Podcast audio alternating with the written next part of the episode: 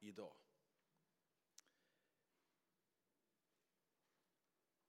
I januari, början på januari när vi hade vårt årsmöte så sa jag att jag har tre stycken ledord som jag vill eh, låta få komma tillbaka lite grann under årets lopp.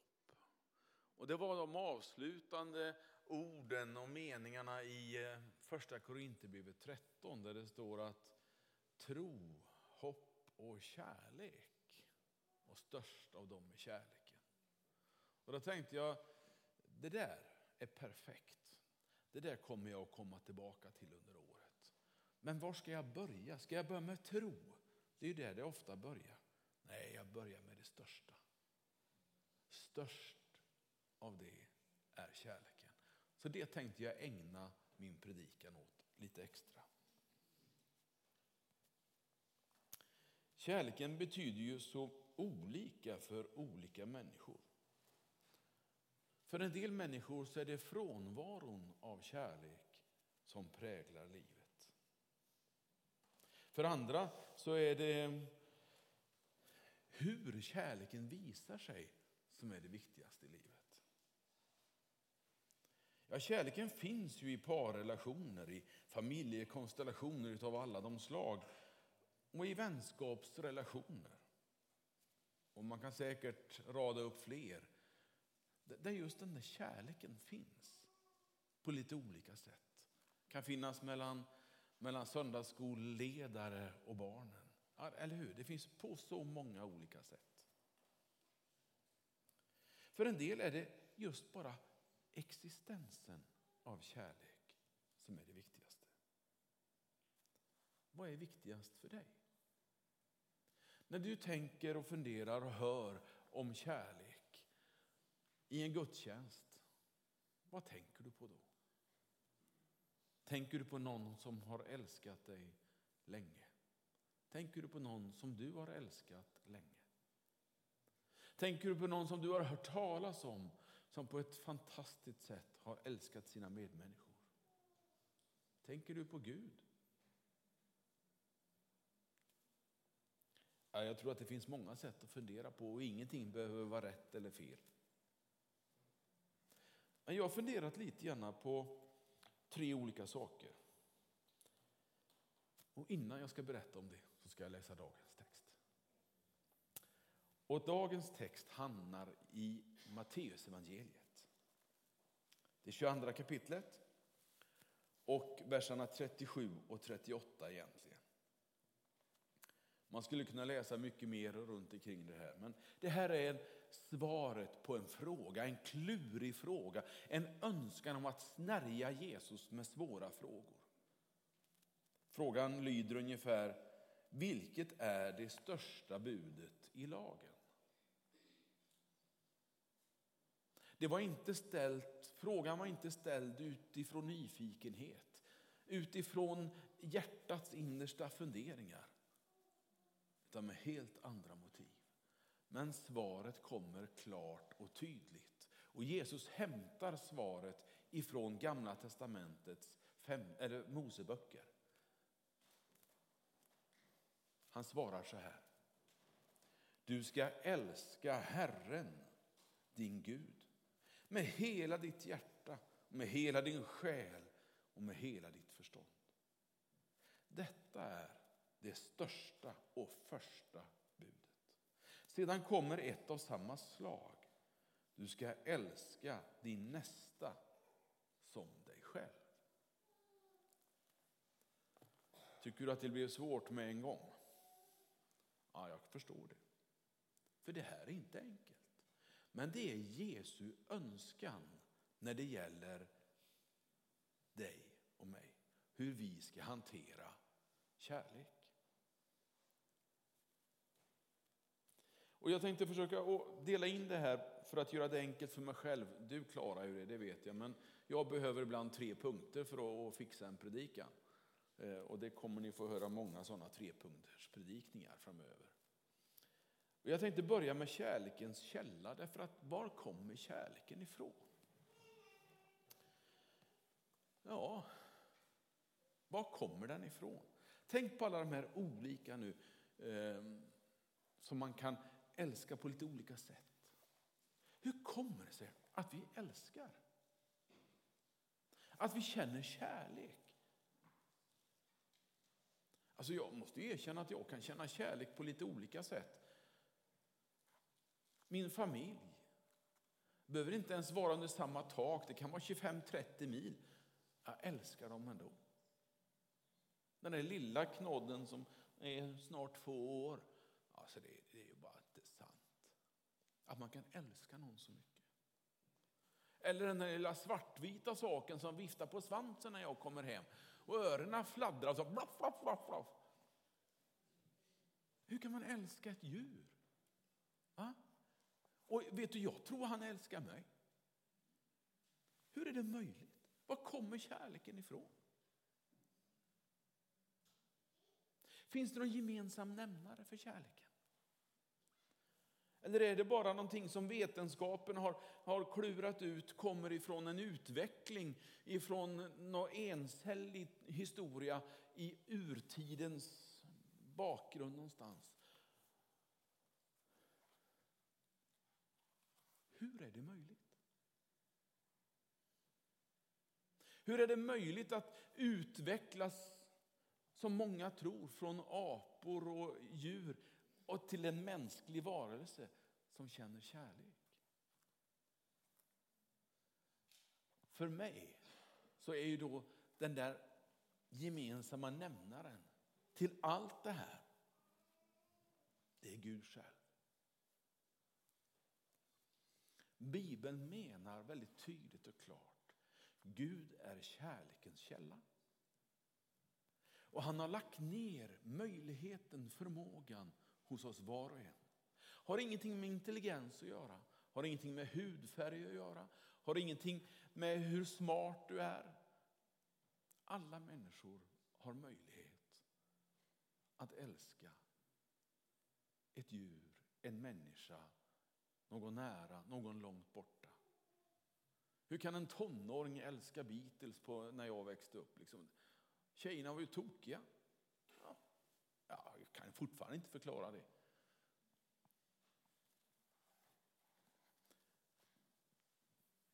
Tar kärleken slut? Det är en känslig fråga, jag vet det.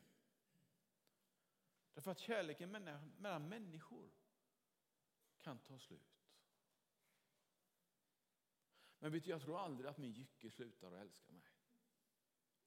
Och jag kan inte komma på hur, hur det ska se ut att jag slutar att älska honom. Den här lilla fyrbenta historien som bara ser jätteglad bara man kommer hem. Eller hur ska jag kunna sluta älska mina barn? Jag vet inte hur det ska gå till. Men jo, kärleken kan ta slut.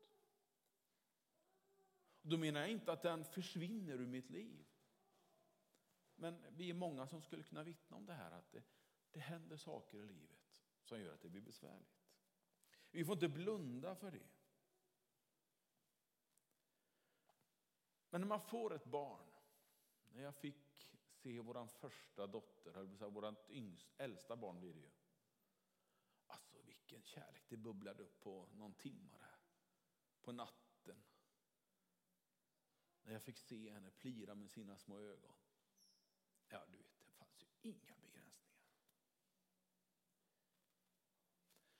Men det man kan fundera på, det är ju när man ger så mycket kärlek till den där lilla underbara människan på 3-4 kilo och 50 centimeter.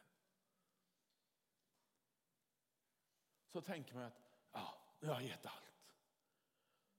Nu, nu har jag inte mer kärlek. Och sen ett par år senare så kom tvåan en tjej till. Lika underbar som den första. Och vet du, det fanns fortfarande kärlek kvar. Jag älskade Rebecka när hon föddes. Och jag begrep inte hur är det möjligt. Jag trodde jag hade gett allt till Sara och hennes uppväxt och hennes liv. Men du hade ju lika mycket att ge till Rebecka. Och hur otroligt det än låter, när Daniel föddes några år senare Ja, men jag älskade ju honom också. Och det räckte till, ja, i mitt fall till fyra stycken. vad jag förstår så finns det inga gränser för kärleken. Varför är den gränslös? Jo, den har sin källa i Gud. Och Gud är gränslös.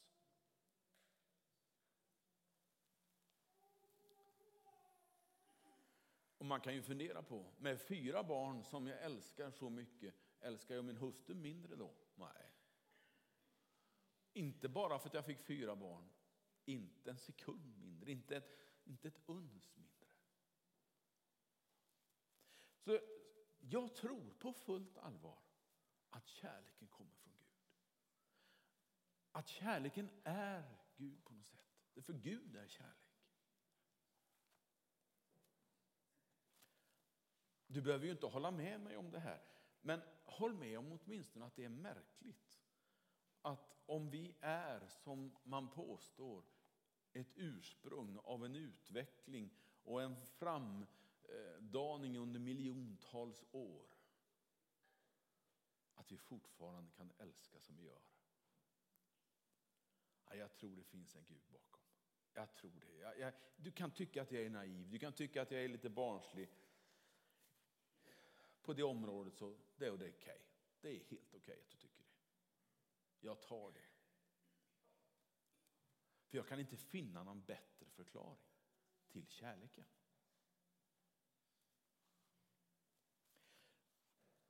Finns det några mål för kärleken? Finns det något syfte för kärleken? Egentligen skulle jag vilja svara nej på den frågan. Men då fick jag inte ha min punkt två. Alltså, jag är inte så säker på att kärleken alltid har ett syfte och ett mål. Men Jesus talar om någonting liknande tycker jag i texten vi hade. Han skriver, när han, när han säger så här, du ska älska Herren din Gud med hela ditt hjärta och hela ditt förstånd. Ja, men det är väl en slags mål i alla fall. Det står inte att du ska, att du ska tycka om ditt och datt och att du ska tycka om mm, mm, vad heter det, Melodifestivalen eller vad det nu heter. Eh, det, det finns inga sådana, utan du ska älska Gud, står det. Det är det han lyfter fram. Det står inte att du, du ska älska synagogan, för det var det han hade på den tiden. Någon kyrka fanns det inte. Det står inte att du skulle älska rabbinen eller pastorn. Eller, nej, det står ingenting utan Gud. Gud var målet för kärleken. På deras fråga, vad är viktigast? Jo, älska Gud. Älska Gud, även om, ja, jag vågar påstå, även om pastorn är snurrig. Även om kyrkan är tokig. Även om det är fel färg på kyrkan. Även om den ligger fel. Även om vi tycker fel. För gör fel, det gör vi ju. Vad skönt att det inte står i första hand älska församlingen. Det står älska Gud. Sen tror jag det är bra om man tar med det andra också. Naturligtvis. Jag säger inte att du inte får. Nej, men jag säger i första hand, älska Gud. Älska Gud med ditt hjärta, står det. Med ditt innersta. Låt inte det yttre, kläder eller utseende eller vad du, vad du sysslar med, låt inte det påverka din kärlek till Gud. Utan med ditt inre. Där, det är Guds plats i ditt liv. Den här inre världen, den innersta delen av dig själv. Där finns Gud, där finns kärleken till honom. Älska honom med ditt förstånd. Ja, dela gott, det finns med i alla fall förståndet, eller hur? Så man inte måste lämna det utanför kyrkan när man går in. Utan man får ta med sig det in i kyrkan och till och med älska Gud med förståndet. Klokhet och vishet hör hemma i Guds rike. Det är så viktigt så att Paulus lite senare börjar undervisa och säger att ja, Andens gåvor ska hjälpa dig med klokheten, visheten, med kärleken. Med alltihopa det här. Han vill låta anden få hjälpa dig att uppfylla kärlekens mål och syfte. Vidare så säger texterna älska din nästa. Ja, nu, nu, jag vet, nu börjar det krypa nära. Följer du med mig en stund till? Det kan, det kan märkas i ditt hjärta. Älska din nästa. Han säger inte det, snälla Patrik, tyck om din nästa lite granna. Du vet, sådär. Tyck om åtminstone din familj. Nej, han säger, älska din nästa, säger han. Och vem är min nästa? Ja, men du, det är ju en klassisk fråga. Vem är min nästa? En klassisk fråga. En fråga från Bibelns värld. Har du läst texten i Lukas 10? Jag tror vi har den på, på en bild. va? Jesus ville illustrera vem hans nästa var. Mannen som frågade, ja men herre vem är då min nästa? Jo, sa han. Och så gav han honom en liknelse som du kanske har hört någon gång förkunnas för dig. Liknelsen om den barmhärtige samariten brukar vi kalla den för. En man som blir slagen berättar Jesus om. Och förbi honom passerar diverse potentater på den tiden. Ingen bryr sig. Man bara passerar.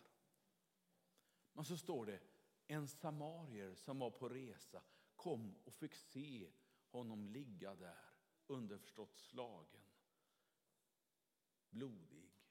Och så står det, och han fylldes av medlidande. Och jag tror att jag skulle kunna sätta in ordet kärlek utan att göra allt för stor åverkan på texten. Han fylldes av kärlek till den här personen. Och det var det som Jesus lyfte fram hos Samaria. Det var det som var hans nästa. Älska din nästa. Det är ju inte så svårt att älska sin familj. Hur fantastiskt den är. Så det är ju hyfsat enkelt i alla fall. Det kan vara hyfsat enkelt att, tycka om bästa jobbarkompisen också. Det kan vara hyfsat enkelt att tycka om ni som är här också, för ni är ju goda, snälla, rara, söta människor allihop. Eller hur var det? Är det någon som slinker utanför den där beskrivningen? Nej, jag tror inte det. Men när du möter någon som slår dig, misshandlar dig, både fysiskt, kanske psykiskt, som inte är fylld av medlidande utan hot och mordlust, hat.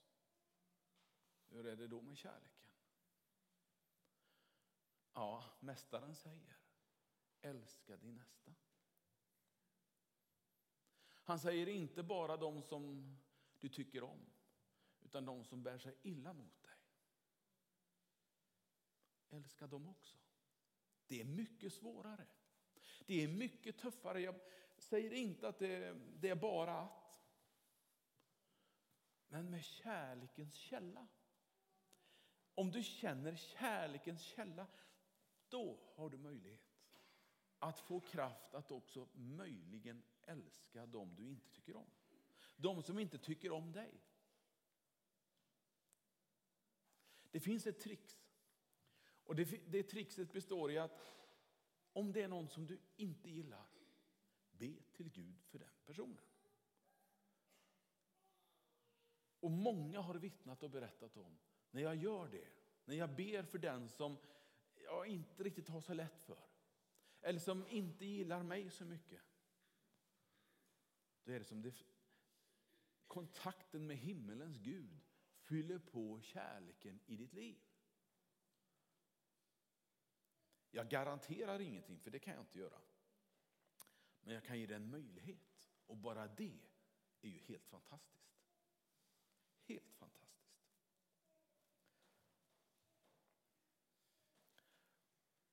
Jag har inte läst riktigt hela den där Älska din nästa, för det kommer så som dig själv. Och här är det lika många som har svårt som det första, som har svårt med det andra, nämligen att tycka om sig själv. Jag vet inte om det är något fel på oss svenskar, om det är något som vi har missat. För det är väldigt många som har svårt att tycka om sig själv. Det är väldigt många som har svårt att acceptera sig själv. Man ser genast på någon annan som har det mycket bättre. som har en finare bil, som har en finare villa, eller som eh, ser bättre ut, eller har lyckats mer i livet, det har gått bättre i utbildning, har ett finare jobb. Ja, du vet, det finns så mycket. Och så ser man ner på sig själv. Jag kan väl ingenting. Ja, titta inte på mig sådär. För jag gör så ibland. Jag har fått höra att jag gör så ibland. Så jag är inte ett dugg bättre än dig. Vi är likadana, du och jag. Vi trillar dit alltid på någonting. Ibland så faller jag ner i den där självömkans hålan och tycker så synd om mig, för jag kan ju inte. Jag kan ju inte predika. Ja, det händer att det går bra, men ibland tycker jag att det går åt skogen. Att det inte funkar. Och så ramlar jag ner i det där hålet. Men då har jag någon som kan hjälpa mig upp. Hon sitter där.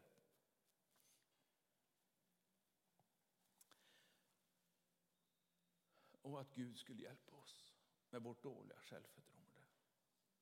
Vet du att vi som församling kan också ha dåligt självförtroende? Vilken anledning har vi till det? Ja, säger du, jag kan räkna upp den och den och den och den grejen som vi har gjort fel, som vi har fattat fel beslut eller vi har sagt fel eller vi har, ja, ja, ja helt okej. Okay. Jag förstår att det går att räkna upp några grejer i alla fall, åtminstone någon. Och det räcker väl. Men jag skulle vilja vända dina ögon mot någonting annat. Kärleken. Att älska sin församling i alla fall. Att älska sin nästa i alla fall. Att älska sig själv i alla fall. Även om jag inte är helt perfekt. Även om jag inte kanske blev det jag trodde, det jag önskade, det jag ville. Så skulle jag önska att Guds kärlek i dig fick också din inre värld att förstå. Du är värd att älska av dig själv. För Gud älskar dig. Och om Gud älskar dig, då måste du vara värd att älska dig själv också. För när du gör det, då är det precis som att det finns en möjlighet att du också kan älska dina medmänniskor. Det är väldigt svårt att tycka om andra människor när man har svårt för sig själv. Det hänger liksom ihop det där lite grann.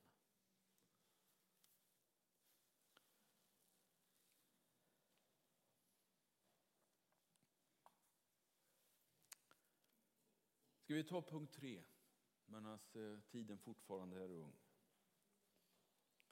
Kärlekens mening, ja. Jag, jag, jag, tror att en del av kärleken stavas mod. Du hålla med mig om det? Kommer du ihåg hur det var eh, när du skulle förklara kärleken till din flickvän? jag kommer så väl ihåg det. Och hur taffligt det gick till. Jag ska inte berätta det för dig. Men jag kommer ihåg det väl. Jag kommer ihåg det av så många olika orsaker. Men du, jag är stolt att det kom på något sätt i alla fall. Modet fanns där i alla fall att säga det där få fram det på något vis. Och jag tror att många gånger så behövs det mod för att älska någon. Mod för att säga det till någon. Speciellt de där som vi inte riktigt tycker om lika mycket. Speciellt de där som kanske har varit lite dumma mot oss. Sagt saker som de inte egentligen borde ha sagt. Det krävs mod att i alla fall säga, ja, jag inser det här, men du, min kärlek till dig, den finns kvar.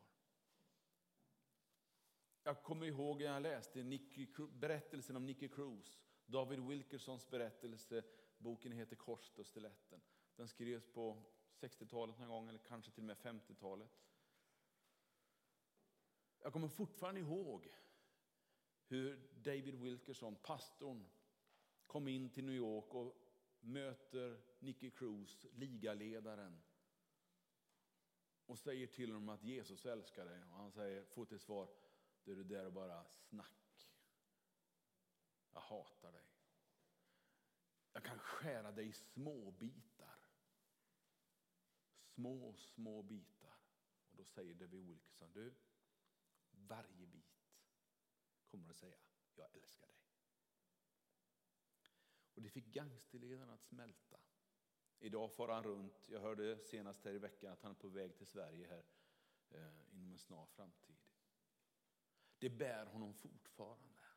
Någon vågade säga Jesus älskar dig, jag älskar dig. Jag tror att vi behöver det modet. Att säga någon bryr sig om dig min vän. Någon älskar dig, jag älskar dig. Gud älskar dig. Och Det märkliga med kärleken det är ju att den växer ju mer du ger. Jag vet inget annat som gör det. Om jag ger bort av min ekonomi så får jag inte mer ekonomi för det. Eller hur? Men om jag ger kärlek så är det som om jag får mer själv. Mycket märklig sak. Men den verkar vara riktig. Den verkar vara verkligheten. Alla kan dessutom ta emot kärlek. Tror du det? Jag tror det. Alla kan ta emot kärlek. Alla är mottagliga för när man säger Patrik, jag bryr mig om dig. Patrik, kan jag hjälpa dig? Du måste inte säga att jag älskar dig, för det kan ju missuppfattas också, eller hur? Men, men, man kan göra det, man kan säga det med andra ord och låta det bli förstått att Patrik, jag bryr mig verkligen om dig. Vi har ju människor i vår närhet, inte alls så långt härifrån, som kanske inte har fått så mycket kärlek i sitt liv. Tänk om då någon kommer till dem och säger, ja men du jag bryr mig om dig. Kan jag hjälpa dig på något sätt? Det finns ungdomar i vår, vårt Tibro som inte har fått kärlek på länge. Där ingen har sagt till dem, vad fin du är. Vad häftig du är. Vad cool du är. Jag tycker om dig. Kan jag hjälpa dig med någonting? Det är kanske oss de väntar på. Alla kan ta emot kärlek. Alla är mottagliga för kärleken. Men du, det står också i mitt manus, alla kan ge kärlek. Du kan göra det. Jag är ålagd att göra det. Den pastor som inte kan ge och vill ge kärlek, ja, jag vet inte. Det skulle inte funka. Men jag är rädd att vi åker dit på det allihop. Du kan ge kärlek lika väl som du kan ta emot. Kanske är det så att du som behöver det mest skulle prova på att ge. Ja, det låter inte så smart, men testa ska du se. Det behöver inte vara så stort, det behöver inte vara så världsomvälvande. Det kan vara något litet, men testa. Testa att ge. Du som aldrig har gett kärlek, du som aldrig har tänkt på det sättet. Prova. Prova att säga till någon, vad fin du var idag. Vad bra det blev det där. Vilken fin teckning du har gjort. Vad fint ni spelade. Jag kan inte säga att det lät vackert, men det var häftigt. Eller hur? Det var görhäftigt att se barnen. Tala om det för dem, att du tycker om dem. Tala om för din medmänniska, jag tycker om dig. Ska vi gå och fika tillsammans? Ska vi snacka lite? Kärleken handlar om att våga, tror jag. Ge av dig själv. Våga lämna ut av dig själv. att ge något till den som förtjänar eller den som inte förtjänar det. Prova att vara kärleksfull den här veckan. En utmaning. Prova att vara kärleksfull även till den som inte förtjänar det. Även till den som kanske gör dig illa. Prova. Testa Guds omsorg, Guds kärlek i ditt liv genom att ge lika frikostigt som du har fått. För hans kärlek till dig har inga gränser. Hans kärlek till dig, Guds kärlek till dig är som en outtömlig källa. Du har bara att ge, du också. För kanske är det någon som du möter den här veckan vars liv förändras för att du vågar ge kärlek. För att du vågar ge omtanke. För att du vågar vara positiv när allt annat är negativt. Jag lovar inte att det blir så, men jag säger tänk om. Tänk om. Visst vore det värt det. Om om inträffar den här veckan. Gud välsignar dig att ge av det du har fått.